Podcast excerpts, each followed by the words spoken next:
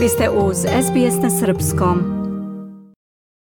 Nataša, danas je uzbudljiv dan za mnoge, pošto se iščekuje da se rođi, rodi 8 milijarditi stanovnik naše planete, je li tako? Tako je prema predviđanju Ujedinjenih nacija. Uh mhm. -huh. Oni kažu da je danas došao taj dan. Uh mhm. -huh. Kada Ti si danas se... čitav dan pratila. Reci nam malo više. Pa trebalo bi dakle danas da se rodi 8 milijarditi stanovnik zemlje. Mm -hmm. 15. novembra kažu predviđanje Ujedinjenih nacija.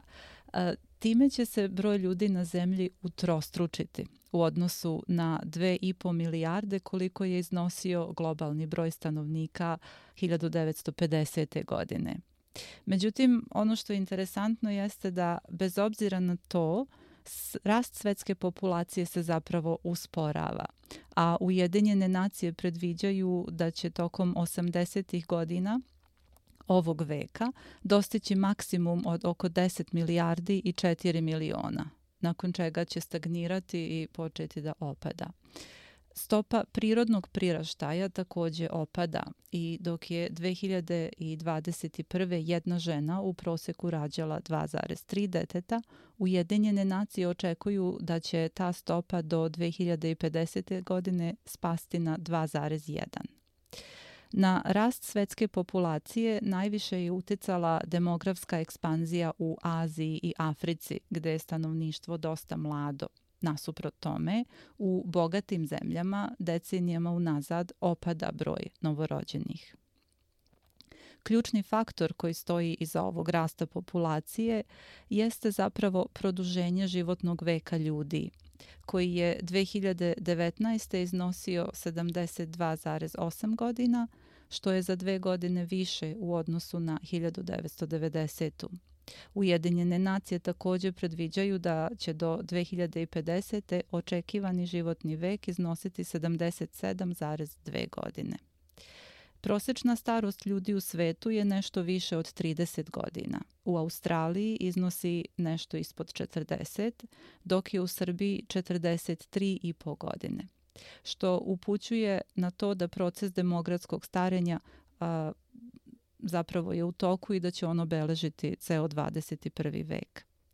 Prema statističkim podacima Ujedinjenih nacija, broj stanovnika Bugarske, Litvanije, Letonije i Srbije se ove godine smanjio za najmanje 1% u odnosu na prošlu godinu.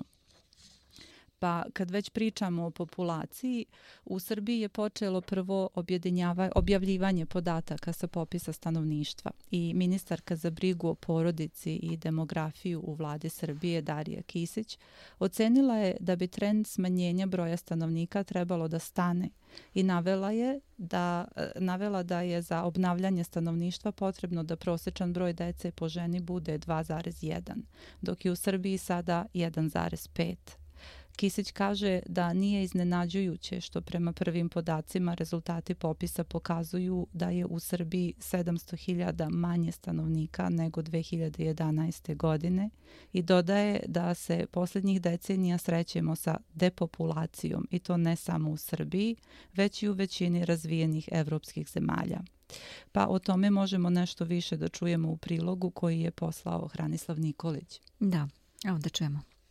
Rezultati popisa u Srbiji koji je počeo 1. oktobra i trebao da se završi 31. oktobra, pa je produžen do 17. novembra, još uvek, razume se, nisu saopšteni, ali prema prvim nezvaničnim podacima u našoj zemlji je 700.000 manje stanovnika nego od 2011. kada je obavljen prethodni popis. To znači da u Srbiji danas živi oko 6,5 miliona stanovnika – Konačni rezultati popisa biće objavljeni sukcesivno od aprila 2023.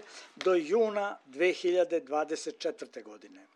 Ministarka za brigu o porodici i demografiju Darija Kisić kazala je za Tanjuk da nije iznenađujuće što prema prvim podacima rezultati popisa pokazuju da je u Srbiji 700.000 manje stanovnika nego 2011. godine i dodaje da se poslednjih decenija srećemo sa depopulacijom i to ne samo u Srbiji, već i u većini razvijenih evropskih zemalja. Zatim je kazala. Većina zemalja u Evropi, tako da, nažalost, tu se nalazimo i mi i sada je krajnje vreme da zaista postanemo svi svesni toga i da učinimo da taj trend depopulacije stane. Naime, već godinama unazad je ta stopa fertiliteta kao pokazatelj, osnovnog demografski pokazatelj je oko 1,5 a taj broj nam pokazuje koliki je prosečan broj dece koji rodi jedna, jedna žena, a za prostu reprodukciju i za prosto obnavljanje broja stanovnika je potrebno da je taj broj 2,1. Znači ovaj broj od 1,5 je nešto što treba da nas opominje i da svi radimo na tome da nas bude više. Isto kao što fenomen depopulacije nije nastao juče, e, isto tako ni e, problem ne može da se reši e, tako brzo.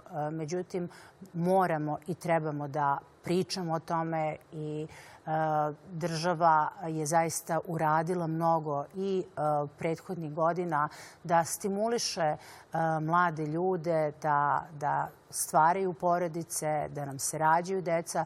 Evo samo u toku prethodne godine, kada je dva puta izmenjen zakon o finansijskoj podršci porodice sa decom, urađene su velike promene za kojih je izdvojeno oko 20 milijardi dinara. Znamo da su to bile određene povoljnosti i za grupu porodilja i trudnica.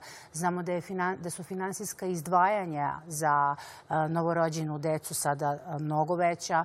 Znamo da za prvo dete umesto 100.000 je sada 300.000 dinara. Imamo po prvi put i jednokratnu pomoć za drugo i treće dete mimo onih roditeljskog dodatka koji se dobije. Evo recimo za, za treće dete se E, dobija milion i sedamsto hiljada e, dinara e, podeljeno na, na, na rate u 10 godina, a za četvrto dete nešto više od 2,5 miliona dinara isto na 10 godina. To su sve značajna sredstva, a znamo da od početka ove godine imamo i subvenciju za stanove za majke koje nemaju nekretninu na području naše zemlje, a koje su rodile dete. Ta su izdvajanja do 20.000 eura i e, efekte te mere tek e, očekujemo da vidimo u narednom vremenskom periodu. Popis stanovništva, domaćinstva i stanova je po sadržaju i obimu najmasovnije i najkompleksnije statističko istraživanje koje se sprovodi u skoro svim zemljama sveta na svakih 10 godina – Popisom se obezbeđuju potpuni i kvalitetni statistički podaci o stanovništvu, njegovoj starostnoj i polnoj strukturi, obrazovnoj i bračnoj strukturi, o ekonomskoj aktivnosti, o strukturi domaćinstva i porodica i o stambenom fondu. Prikupljeni podaci od izuzetnog su značaja za ocenu trenutnog stanja kao i za buduće planiranje i donošenje različitih strategija kako na nacionalnom, tako i lokalnom nivou. Popisivanje je prvobitno bilo planirano za april 2021. godine, ali je zbog nepovoljne i neizvesne epidemiološke situacije izazvane pandemijom COVID-19 odloženo za oktobar 2022. godine. Kako smo rekli, popis je počeo 1. oktobra i planirano je da traje do 31. Međutim, produžen je do 17. novembra. 7. novembra završeno je terensko prikupljanje podataka, a građanima koji iz bilo kog razloga nisu popisani, ostavljena je mogućnost da se najkasnije do 17. novembra jave radi dogovora o telefonskom popisivanju. Prethodni popis obavljen je 2011. godine i tada je u Srbiji živelo 7 miliona 186.862 lica. Broj domaćinstva 2 miliona 487.886. Finansijska sredstva za sprovođenje popisa stanovništva, domaćinstva i stanova 2022. godine zajednički su obezbedile Republika Srbija i Evropska unija. Iz Beograda za SBS radio Hranislav Nikolić. Želite da čujete još priča poput ove? Slušajte nas na Apple Podcast, Google Podcast, Spotify ili odakle god slušate podcast.